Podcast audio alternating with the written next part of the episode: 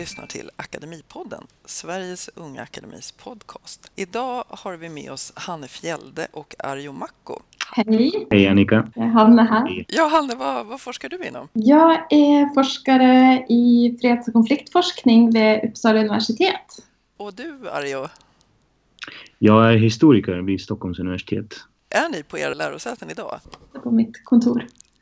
Du också, Arjo? Jag sitter på kontoret, ja. Ja, det är också det. Vi, vi spelar in via Skype, ska jag säga. Och jag känner mig jättepampig, för jag sitter i ordförandestolen i styrelserummet på KVA. Så om jag utstrålar någon extra pondus i vårt samtal idag, så vet ni varför. Men jag är ju annars den som ställer dumma frågor och är en allmän hejare på klippning. Annika Moberg. Jo, förresten, hur länge har ni eh, varit ledamöter, Arjo? Ehm, jag blev invald 2017, så ett och ett halvt år nu. Och du, Hanne, valdes in nu. Precis. Så du firar snart ett år. Jag firar snart ett år, ja. Så det blir... Jag är den yngsta generation fram till nu, men nu är det snart inval igen. Så då blir jag lite mer senior. Ja. Vad heter det? Eh, Hur är det då att vara le- ledamot i Sveriges Unga Akademi? Är det ungefär som ni hade väntat er? Jag tycker det har varit ett, eh, ett jättespännande år. Eh, Jag tycker att jag har fått eh, möjlighet att engagera mig i många frågor. Några som jag visste att jag brann för innan och några som var nya men som man har uppmärksammats på eh, genom akademin. Så jag tycker det har varit väldigt spännande. Ja. Vad är det för nya frågor då som du har uppmärksammat? Eh, ja, till exempel så eh, har jag ju fått eh, den här eh, struten styr och resurstilldelningsrapporten i knät och jag är inte säker på att jag hade sökt upp den och läst den annars. Men, eh, men den är ju otroligt viktig för universitetens villkor så jag är väldigt glad för att, jag, att den liksom kom på min radar. Ja, jag tycker att bra forskningspolitisk koll får man väl säga. Mm. Att man kan få sig till livs. Arjo då, hur säger, vad säger du? Jag blev nog lite förvånad över bredden av ehm, ämnen och frågor inom akademin trots att jag såklart visste att det var en interdisciplinär akademi med företrädare för eh, väldigt många discipliner. Så blev jag förvånad över eh, hur olika kanske forskares eh, förutsättningar och utmaningar kan se ut beroende på vilket fält de kommer ifrån och hur viktigt det då blir att se över sina egna förutfattade meningar när man formulerar idéer och krav för förändring inom akademin. Så jag har fått lära mig ganska mycket men också blivit lite mer ödmjuk. Jaha, vad fint. Ja, det är ju lite, var ju poängen att det skulle bli lite korsdrag mellan lärosäten och över disciplingränser så att man skulle få lära av varandra. Kan ni berätta om, du då, Arjo, någon aktivitet som du har varit med i för akademins räkning? Um, jag tyckte att um, sommarmötet var väldigt eh, spännande. Jag var med i, i fjol och det är ett eh, tre dagars möte där akademiledamöter träffar elever från eh, hela landet och får både berätta om sin egen forskning och svara på elevernas frågor om vägen till eh, forskarkarriären och tillvaron som forskare. Um, och det tyckte jag var väldigt givande, väldigt spännande. På något sätt en påminnelse om hur långt man ändå har hamnat från det mycket mer allmänna, nyfikna tänket som unga besitter. Eh, det tyckte jag var, var jättekul. Ska du vara med i år också som ledare? Det är tänkt att jag ska vara med, men eh, vi- får se hur, hur det blir. Jag skulle gärna vilja delta. Ja, ja vi hoppas det. Ja, Det är inte dumt med, med en historiker. Och, ibland i alla fall. De kan vara långrandiga och tråkiga, men ibland är det roligt att lyssna. Men ja, I ditt fall så tycker jag bara att his- historiker är roliga och intressanta. Men jag vet i Harry Potter så um, har man en professor i historia som heter professor Binns och han, han var så långrandig så han märkte inte att han dog. Så han bara fortsatte sin lektion. Det var imponerande på något vis att han blev kvar vid sin läst. Ja, Hanne, kan du berätta lite om din forskning? Ja, eh, jag forskar ju på eh, politisk våld. Eh, det är liksom fred och konflikt och, och väldigt mycket av forskningens fokus ligger ju på avsaknaden av fred just i min forskning. Och, och jag fokuserar särskilt på våld under politiska val. Mm. Varför är det så att vissa politiska val ehm, blir våldsamma och andra inte.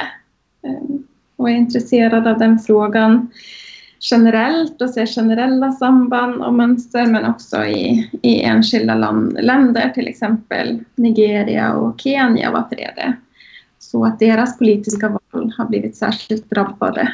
Och förstå både orsakerna till att val som egentligen är tänkt som en, ett fredligt sätt att lösa oförenligheter och, och komma överens i ett samhälle, att det det blir präglat av våld och vad det här våldet har för konsekvenser både för individer men också för samhället i stort. Ja, till exempel i fallet Kenya, då, har ni kommit fram till där?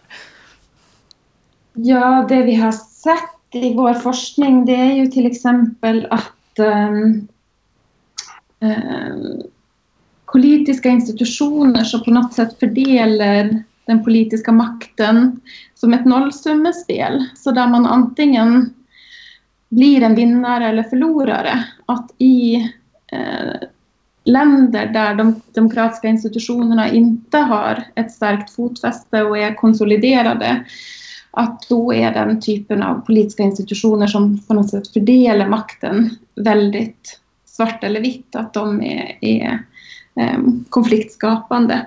Och då har vi i synnerhet forskat på valsystemer och då kan man tänka sig att valsystemer som principer för hur röster ska räknas om till politisk makt.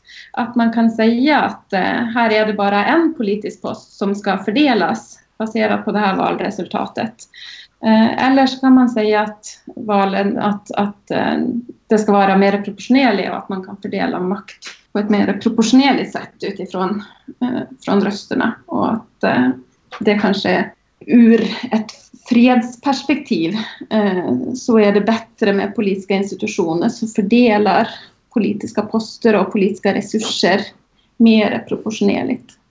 Det är väl en av de slutsatserna som vi drar ifrån vår forskning. Ja, kan ni på något, hur pass tillämpad blir din forskning då? Kan ni komma med råd till eh, organisationer som hjälper till att stödja demokratiutveckling? Eller hur funkar det? Det kan vi väl göra till viss del. Det vi kan säga är ju att eh, den här forskningen kring valrelaterat våld den har ju skjutit fast under de senaste tio åren skulle jag säga. Eftersom flerpartival har blivit mer och mer vanliga så ser vi också att eh, val ofta eh, förekommer tillsammans med våld och då kan vi säga någonting om varför det här våldet händer. Så vilka aktörer är det som är inblandat? Eh, ja, hur är dynamiken kring det valrelaterade våldet? Och det kan vi ju diskutera. Det har jag själv gjort med några av riksdagens partier som jobbar med en verksamhet i Afrika och, och fokuserar på ungdomsorganisationer ehm, eh, till politiska partier där. Och då hade vi en, ett, ett samtal med dem om vad vår forskning visar kring valrelaterat våld och deras orsaker. Sen kan man ju alltid rådge, man kan, jag kan ju berätta om resultaten ifrån mina studier och säga att eh, det här valsystemet är bättre än, än andra valsystem. Men, eh, men det är ju ett, eh, ett forskningsresultat som är svårt att, att få genomslag. Det är ju liksom inte riktigt på det sättet som politiska institutioner bestäms i ett land förstås. Nej, men viktig kunskap ändå verkligen. Är det väldigt, ja. är det väldigt liksom hur mycket kan... Eh, jag antar att en del parametrar kan man överföra men en del är väl förstås nationsspecifika också? Ja, och en faktor som valsystem, det vet vi ju att dels är det väldigt historiskt betingat, att beroende på vem som har koloniserat landet så är det väldigt mycket av de politiska institutionerna som kommer därifrån, så att vi ser de här typen av eh, nollsummevalsystem till exempel i, i länder som har koloniserats av britterna. Och det är ju, eh, ja, och dels så kommer de här politiska institutionerna är också ofta framförhandlade efter inbördeskrig och är ett resultat av konflikten i sig. Ja. Eh, ja. Så det är ju det, den typen av genomslag har ju liksom inte vår forskning, att det är så här direkt kan anammas. Men jag tyck, tror att vår forskning kan peka på riskfaktorer som man måste vara uppmärksam på, men sen kan jobba med. Ja, Arjo, hur, hur kom det sig att du valde att forska inom historia? Jag har väl sen barnsben haft ett, ett visst intresse och det var ett av få ämnen ska jag säga där jag alltid var uppmärksam i skolan redan. Sen eh, som barn så fascinerades jag ju av något annat. Det var att gräva ut någonting. Inspirerades av de här berättelserna om 1800-talets arkeologer och så vidare. Indiana Men, Jones. Eh, precis, eh, nästan. Nej, inte, mer Austin Henry Laird och sådana. Men vilka sa du? Austin Henry Laird, eh, känd brittisk eh, arkeolog som eh, 18, runt 1850 upptäckte gamla lämningar, assyriska lämningar i, i Irak exempelvis. Aha. Så det, det, det fanns eh, och sen var det såklart Troja också. Ja. Eh, och eh, skriverier kring deras Eh, äventyr som fascinerar mig lite grann. Men eh, senare under studierna så blev intresset mer konkret eh, kring politik och politisk historia.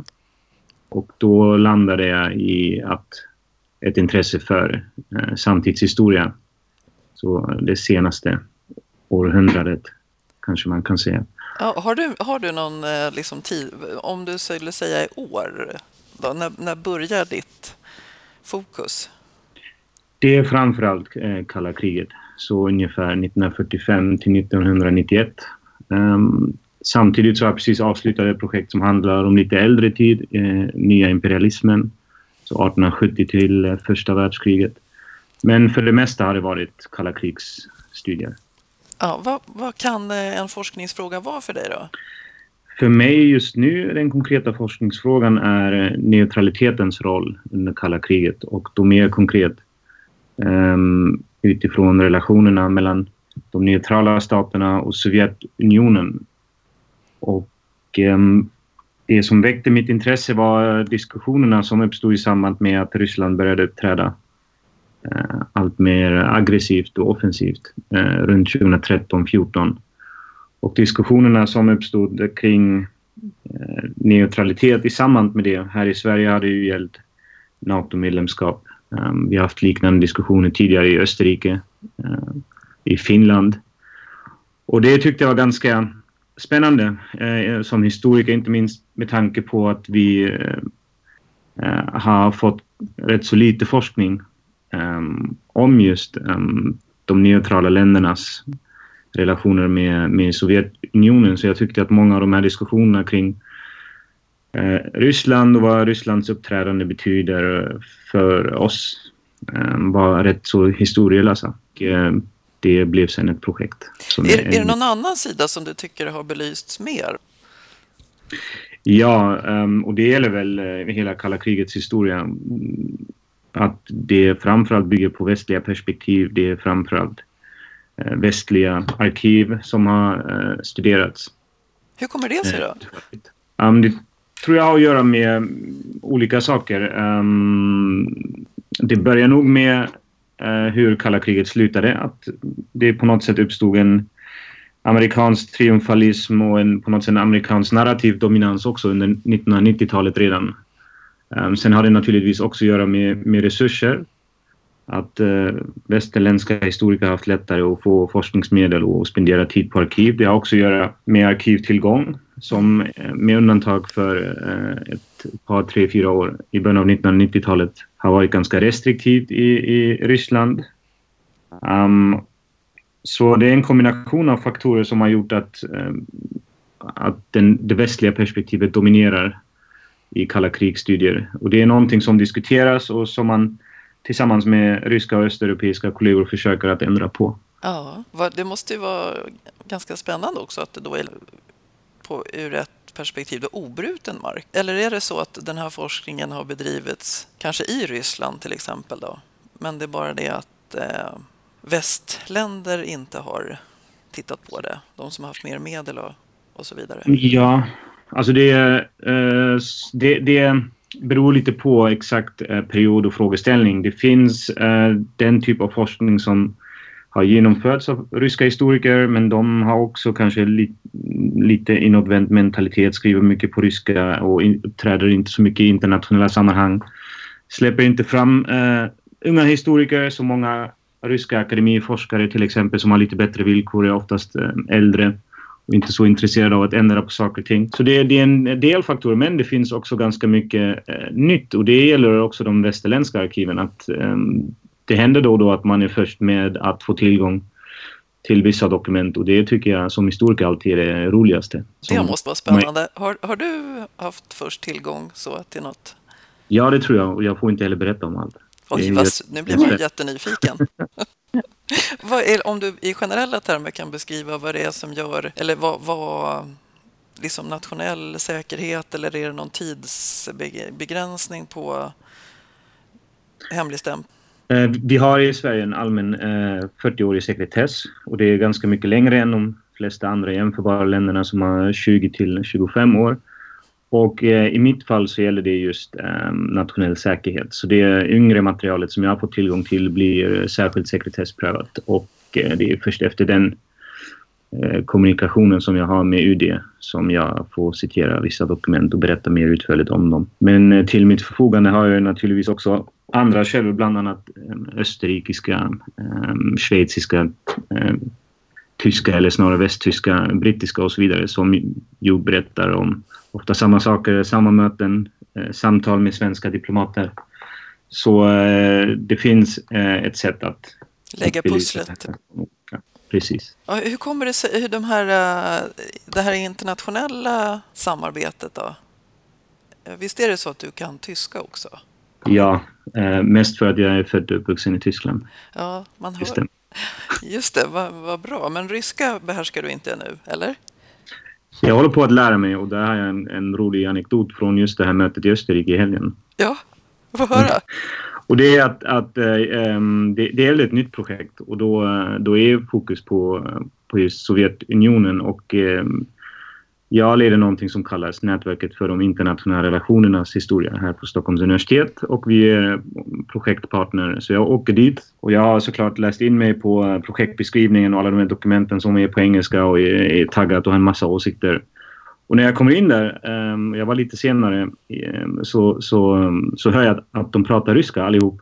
Och sen tittar min kollega Peter som är österrikare och Rysslands specialist på det. Han bara, ja men du förstår väl eller hur? Och uh, du vet, lite generad så nickar man. Ah, jag får väl kämpa på och lyssna noga. ja. Men efter fem minuter så bad jag om lite stöd av någon som översatte när det blev oklart. Så jag håller på att lära mig men uh, vi är inte riktigt där än. Men då fick du en, en ordentlig lektion nu i helgen. Ja, exakt. Det var, det var lite kul. Känner du att din historiska forskning uh, är till hjälp i nutiden om man säger? Kan du känna så att nej men det här som jag nu läser om i tidningen varje dag, det här har ju hänt förut och med, med det här i backspegeln så borde vi ha handlat på annorlunda eller så skulle man kunna tänka så här eller? Inte riktigt faktiskt. Alltså man hoppas ju att det är så, men eh, och, och det finns också kanske fall där, mm, där historieskrivningen har betytt någonting för kanske beslutsfattaren eller den den eh, offentliga opinionen eller debatten. Men eh, väldigt ofta så känns det ju som att det är snarare så att man ur ett ideologiskt perspektiv kanske letar efter den typ av forskning som passar en. Som politiker eller som journalist eller som debattör eller annan aktör. Eh, så, så inte så mycket faktiskt som man, som man hade velat. Jag vet också att det finns andra länder där, ehm, där forskningen kanske rör sig lite närmare beslutsfattningen. Men överlag tror jag att de flesta historikerna i alla fall skulle hålla med mig om att vi inte lär oss så mycket av historien som vi skulle kunna göra. Nej. Men jag, tänkte på, ja. Annika, men jag tänkte på en sak med din forskning Arjo, med kring kalla kriget och så. Jag tänker på relevansen i det. Att för fem år sedan så hade jag tänkt att detta är historia, frågor om kärnvapen och Eh, neutralitet under kalla kriget och så. Men sen så, bara senast i konflikt i P1 så handlade ju, så handlade ju hela programmet om kärnvapenfrågan och hotet från Ryssland versus USA i det. Så det finns ju en... Kan du känna något med det, med din forskning, att den har fått ny relevans i och med vad som händer just nu i världen? Eh, ja, jag är ganska säker på att jag kanske inte hade fått den här typen av eh, generös finansiering för det här projektet om om inte läget hade sett ut som, eh, som det gör. Så det finns ju de som pratar om kallt krig 2.0 och, och, liknande. Och då känns det ju mer angeläget. Samtidigt så är det just det som har försvårat arkivtillgången skulle jag säga. Um, så nya frågor kring sekretess som inte alls var aktuella för bara 5, 6, 7 år sedan där man inte heller såg något av det som skulle kunna stå i dokument från 80-talet som ett potentiellt hot mot rikets säkerhet eh, hanterar man lite mer försiktigt just nu. Um, men ja, fördelarna de väger nog eh, tyngre här. Jag tänker bara som freds och konfliktforskare att vid min institution så har vi ju experter på, på inbördeskrig och på eh, ja, många olika fenomen. Men det som vi inte har är personer som jobbar med liksom, internationella relationer och just den typen av, av hot. Eh, som du arbetar med. Så jag tänker, du är historiker men, men du, du skulle ju, låter det som också skulle kunna passa in på vår institution i en slags nutida kontext också kanske och, och jobba med frågor som är, har blivit liksom dagsaktuella igen. Mm. Mm. Nej men det är väl så på många miljöer att det, mm, det finns eh, ämnen och discipliner som rör sig lite vid, vid, gränsen för respektive fält. Och hos oss är det så att samtidshistoriker, um, statsvetare och internationella uh, relationer, experter inom internationella relationer ibland är utbytbara och i länder som, som Tyskland eller Storbritannien så kan en statsvetare med fokus på modern politisk historia få en tjänst i, i samtidshistoria och uh, tvärtom. Och det är väl lite så um, på många olika ställen att, att man har experter på, på vissa områden och andra som snarare kommer från kanske från specifika teorier eller mm. ett specifikt sätt att angripa eh, en mm. viss kontext. Men ni har, väl, eh, ni har väl forskare som studerar olika regioner? För en, en sak jag undrade eh, Eh, när vi träffades först och vi pratade om din forskning var eh, din eh, fokus på, på Afrika. Om det var, det var någonting som hade eh, först och främst med själva regionen att göra eller om det helt enkelt var det mest fascinerande utifrån så att säga, den typ av konflikt som du är intresserad av? Mm. Jag tror... Ehm, nu är, hos oss är det väldigt många som jobbar med Afrika. Ehm, för mig, för mig liksom personligt så är det också för att jag är den region som jag är intresserad av. Um, och det, det, är frågor som jag är intresserad av som är väldigt relevanta i, i, i den regionen. Men sen är det väl, som du pratade om tidigare, tillgång på data. Vad är det man kan studera? um, liksom vart, vart kan vi få information? Och då är det också så hos oss att, att vi har haft bättre data på Afrika och att när mm. haft stora datainsamlingsprojekt så har de ofta börjat med den regionen för att det har varit en region eh, som har eh, haft en väldigt stor andel av pågående eh, inbördeskrig. Men, men det är ju också någonting som, som ändrar sig och ett fokus som ändrar sig, sig över tid. Så det är kanske inte lika tydligt nu, men då, jag skulle säga de sista tio åren hos oss så har det varit väldigt mycket fokus på Afrika. Och så är det ingen då på andra sidan som har jobbat med eh, eh kärnvapenfrågan eller den typen av eh, eh, hot som mer rör liksom den, eh, ja, den internationella ordningen. Yeah. Om du förstår vad jag menar. Så, då, så, så det, går ju lite, det är väl lite trender i det där också skulle jag säga. Beroende på vad som upplevs som mest angeläget och så. Precis, alltså det, det är nog likadant med Eh, Brexit och europeiska integrationen att mm. det är ju egentligen ingen som har varit förberedd på att det skulle kunna gå åt andra hållet också. Att EU kanske börjar förlora medlemmar eller att medlemskapet ifrågasätts och integrationen, mm, eh, integrationens fortsättning ifrågasätts. Så då helt plötsligt får ämnet eh, förnyat intresse. Så jag tror att vi som studerar det som har hänt um, uh, för inte allt för länge sedan, eller som händer just nu, eller som också försöker att säga någonting om framtiden, påverkas ju också av vår samtid, vad som händer just nu. En av de forskningsfrågorna som jag är, är särskilt intresserad av nu handlar ju om um, konsekvenser av våld för demokratisering. Så jag har ju varit intresserad länge i min forskning av att förstå på något sätt våld, våld i demokratins skugga. Det här våldet som händer innanför på något sätt eh, demokratins ramar då för att påverka val, politiska val eller, eller, eller den politiska liksom, dynamiken. Hur kan det Men, se ut? Nej, alltså det är ju ja, valrelaterat våld. Det är ju på något sätt um, det är ju på något sätt våld i, i, i demokratins skugga för att det är, man accepterar på något sätt de demokratiska institutionerna, spelreglerna, att eh, de sista 20 åren så nu är det, det liksom flerpartiregimer. Ehm, det är det sättet som det accepterade sättet att, att eh, få politisk makt i princip nästan alla länder i världen.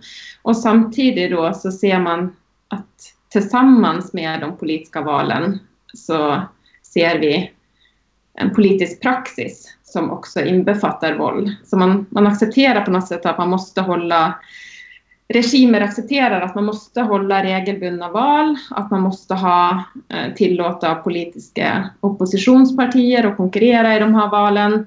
Men samtidigt så underminerar man ju då demokratins spelregler genom att använda våld för att påverka väljare, eh, hur de ska rösta, för att försöka demobilisera väljare och hålla dem borta ifrån rösturnorna på valdagen eh, genom att hota och påverka politiska kandidater, genom att hota ehm, eh, och trakassera journalister och den fria media för att på så sätt påverka valet.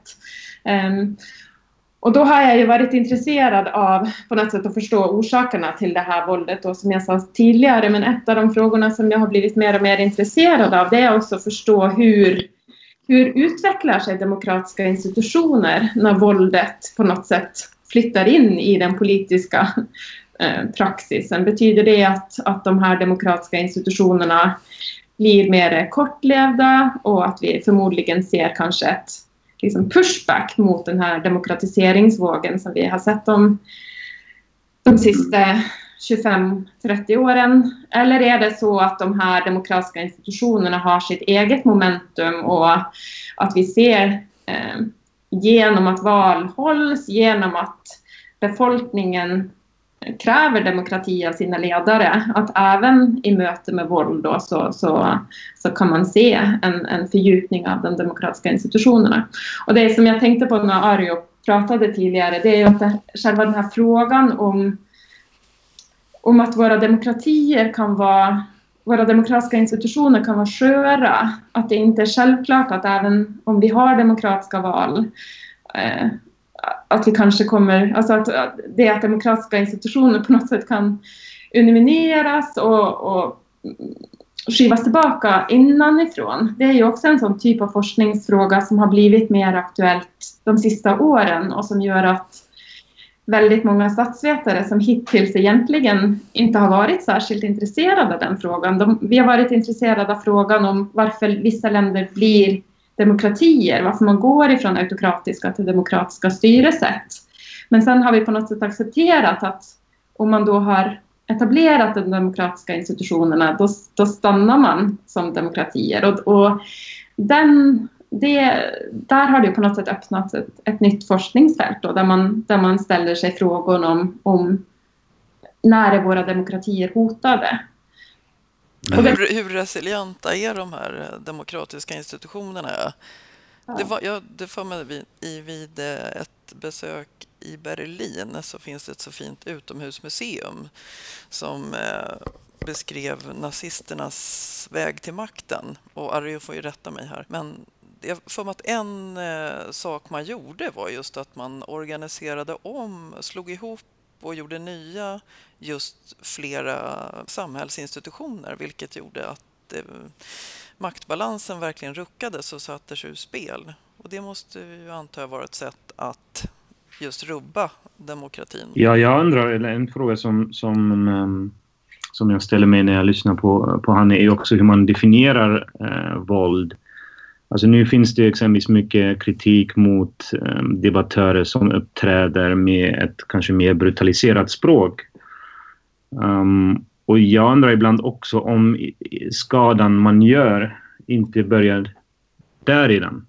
Att, att, man, att samtalet, mm. det politiska samtalet och debattklimatet förändras så att det blir allt mer oförsonligt men att det också på något sätt är brutaliserat i mening av att man um, kanske använder sig av ord som kan tolkas på, på olika sätt. Um, så, så en sak jag undrar också är som sagt hur man, hur man definierar våld i, i det sammanhanget. Om det bara handlar om fysiskt våld eller...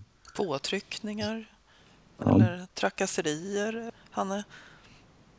Ja, det där är ju det är en väldigt bra fråga tycker jag. Eh, och då, det finns ju det är två svar på den. Dels är det ju vad jag studerar i min forskning och då um, är det ju ofta enklare att studera det som är, är mätbart. Så jag, när jag är intresserad av genom kvantitativ metod, statistisk analys, vi ser på många länder över tid, då fokuserar jag ofta på det fysiska våldet och ofta våld som tar människoliv, för att det är det som vi har mest tillförlitliga och systematisk data på.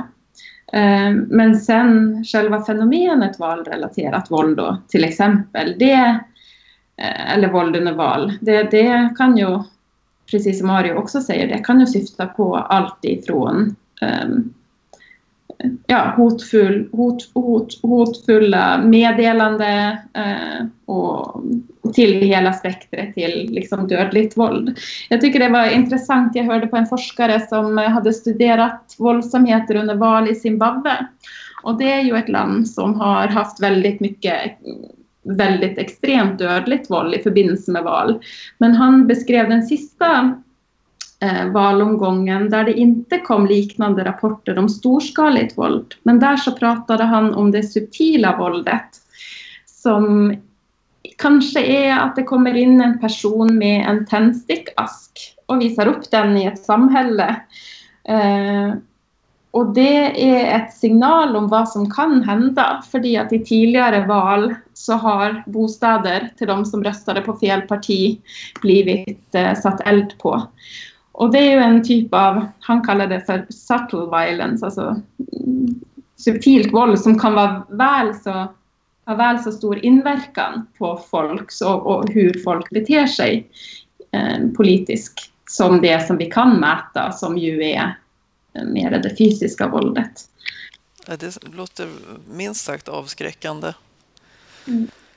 Men det som, som jag försöker nu då, det är ju Ehm, alltså, där kan man ju genom... Det är begränsningar när man vill studera saker genom statistisk analys och titta på många länder över tid. Men, men kvalitativ datainsamling där man intervjuar individer och där man eh, ja, samtalar, där kan man ju få fram mycket mer av de här nyanserna i det fenomenet man är intresserad av eh, och kan berika sitt eget material på det sättet. Då. Ja, annars skulle man kanske inte förstå det här med tändsticksasken ens. Nej, eller hur? Att det kräver är ju en, en, en, uppmärksamhet och en slags kontextuell eh, kunskap. Och det kan ju vara ibland, han berättade också exempel på att man bara nämner någons, någons namn. Um, och jag har hörde, uh, hörde också anekdoter när jag var i, när Kenya hade val i 2013 att eh, då var det eh, vissa som pratade om tvättmedel på sociala medier. Och det låter ju också väldigt liksom, långt från de politiska valen och det fenomenet. Men då var det en, en ett, eh, det var liksom ett det vi kallar för hate speech, alltså hatisk budskap, där, där det här tvättmedelmetaforen syftade på en, en, en viss befolkningsgrupp som skulle eh, pressas ut ifrån det området. Så våldet är, är mångfacetterat och, och, eh, ja, det kan vara svårt, och, och, särskilt för oss från utsidan, att fånga in alla de här liksom, nyanserna i det. Men jag håller helt med Ario att det är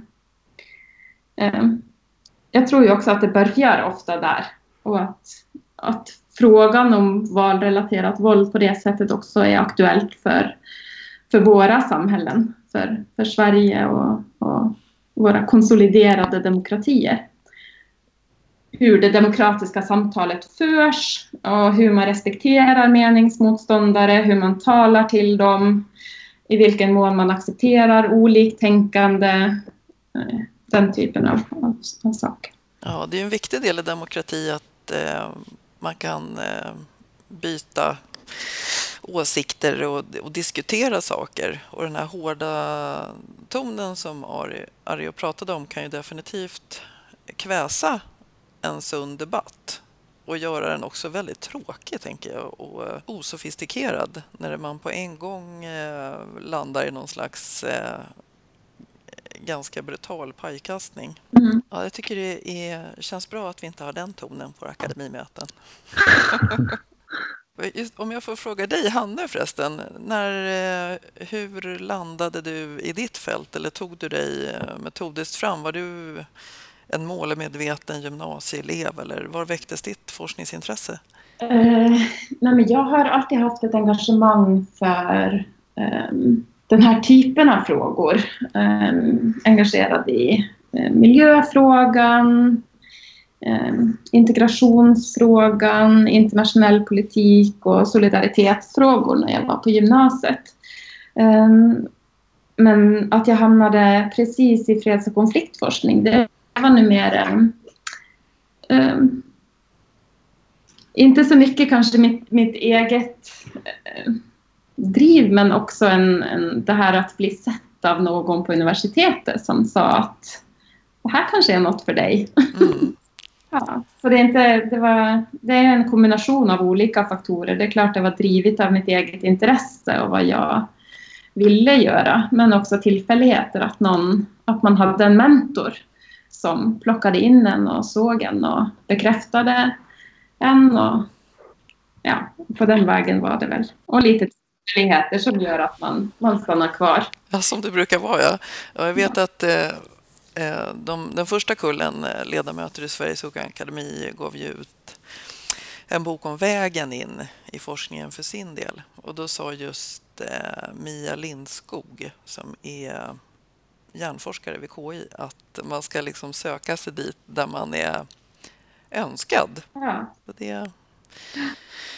Fint. Det är nog ungefär så jag kände att jag kom till. Jag läste ju hela min grundutbildning i Trondheim och kände mig ganska anonym och var inte, jag tror inte, jag fick liksom ingen känsla för akademin som en miljö och en arbetsplats. Men sen kom jag då till Uppsala och Uppsala universitet och, och institution för freds och konfliktforskning och då fick jag liksom tillgång till en miljö med människor som jag fick förtroende för. Så det var väl det att det var jag kände också att det var, här var ett ställe som jag gärna ville vara kvar och att jag kunde se mig själv göra en karriär här.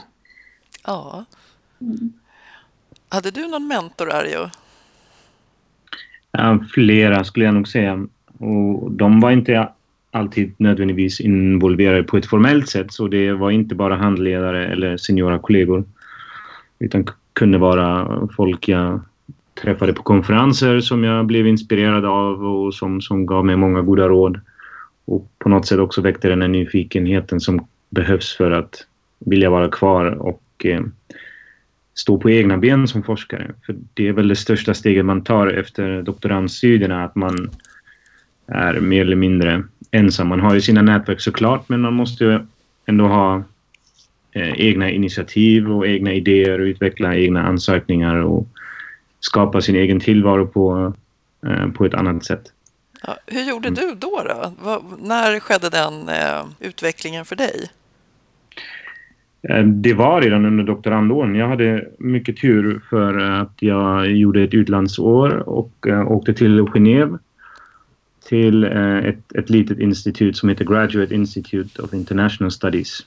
Mm -hmm. uh, och um, är ganska framstående, Eh, en ganska framstående miljö och inspirerades där av eh, dynamiken och ehm, den typen av forskning som som de bedrev och hade många roliga diskussioner men också förmån att eh, jobba med någon som som ehm, var väldigt påläst ehm, i det ämnet som jag det temat som jag skrev om. Um, så eh, redan då fick jag lära mig kanske mer än vad jag annars hade gjort om jag hade stannat uh, hemma hela forskarutbildningen om hur man ska tänka inför ehm, um, postdoc-åren och, och, tiden efter disputationen. Alltså ni dryftade inte bara, eller bara och bara, men era, eh, era forskningsfrågor utan också karriärtips, kan man säga så? Absolut, och då, eh, alltså det blev ju på sätt och vis en, en eh, vänskap också eh, mellan mig och eh, den här personen. Så det, då var det också det här med eh, hela pusslet med familj och sånt som eh, påverkar, eh, som kanske inte direkt har med, eller bara med forskningen att göra. Så det, det var diskussioner, väldigt givande diskussioner om, om allt runt omkring också. Ja, var gjorde du din forskarutbildning? Det var här på Historiska institutionen, Stockholms universitet. Ja, så det var därifrån du gjorde ja, utflykten. Har, går det här att jämföra med SKAS i Uppsala?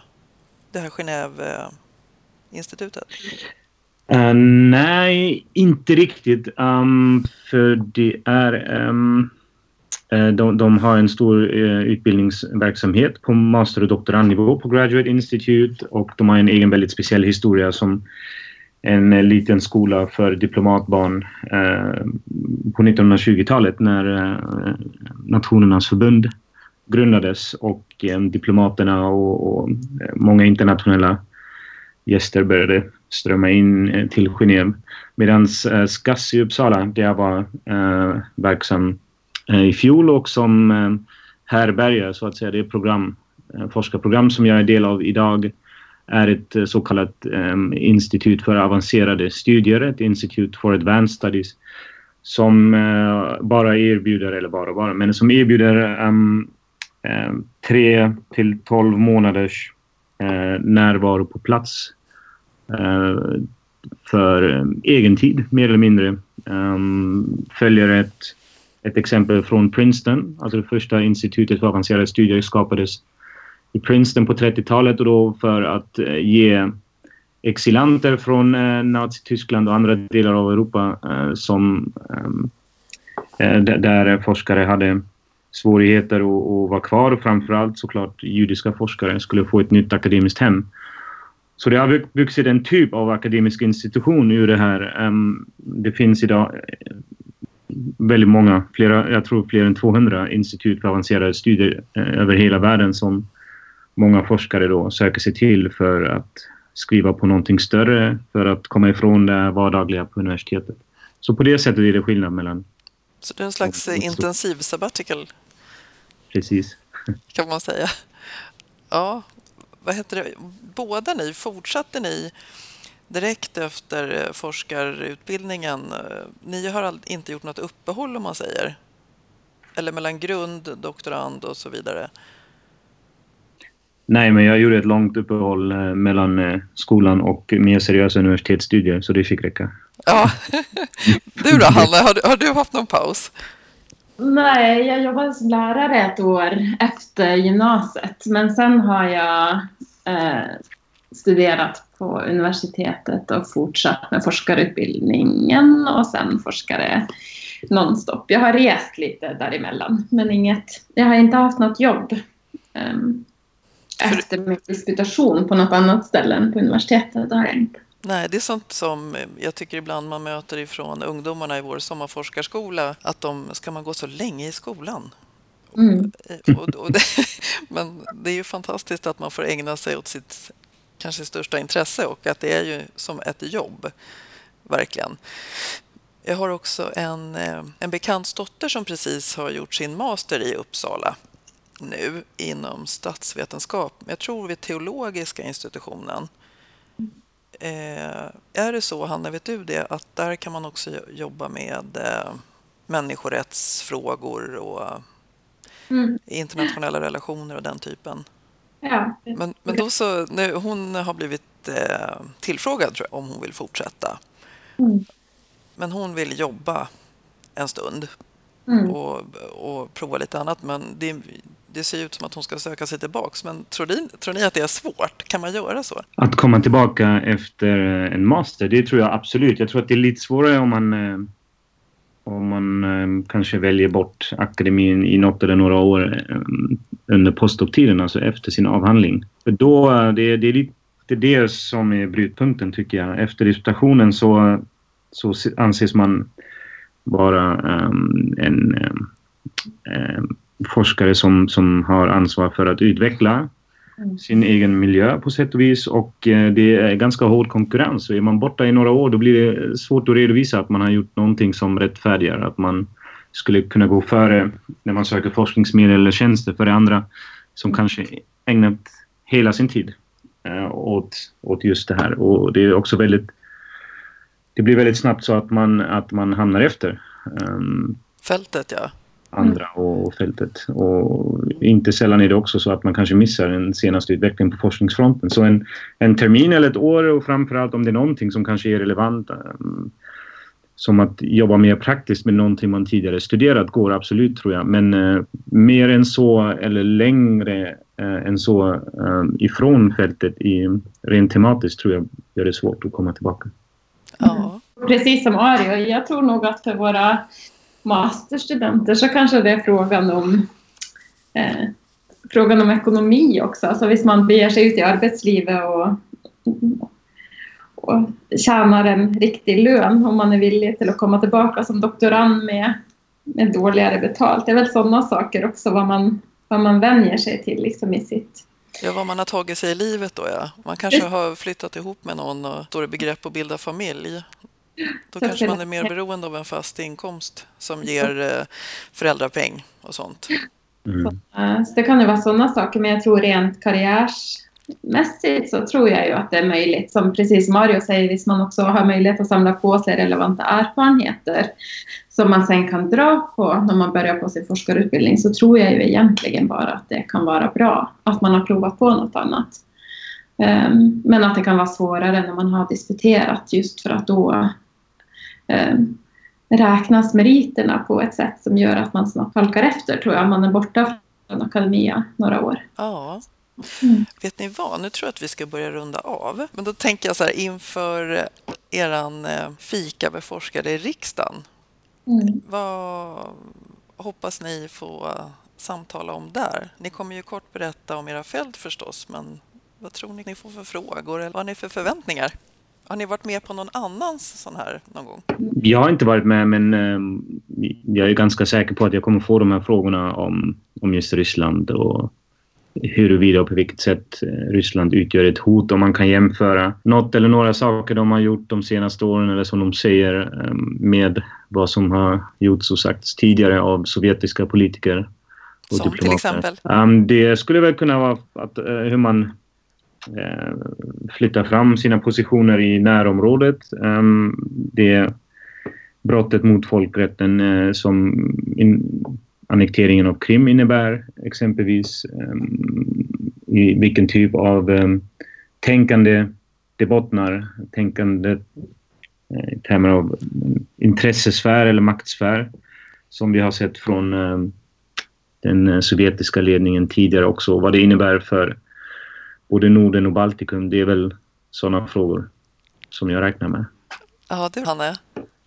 Um, jag tänkte att jag skulle prata lite om eh, ett pågående forskningsprojekt där jag ser på um, politiska partier och hur politiska partier kan vara viktiga för att hindra valrelaterat våld. Och då tänkte jag att jag kanske får någon bra input på eh, varför jag hittar det här resultatet. Jag har ju några förklaringar och idéer om varför det ser så här ut, men det skulle vara spännande att höra ifrån de som är partipolitiskt aktiva. Vad är det politiska partier bringar till det, den demokratiska praxisen som gör att våld blir mindre sannolikt? Det skulle vara spännande om de kunde, kunde berätta vad de tror om det. Ja, verkligen.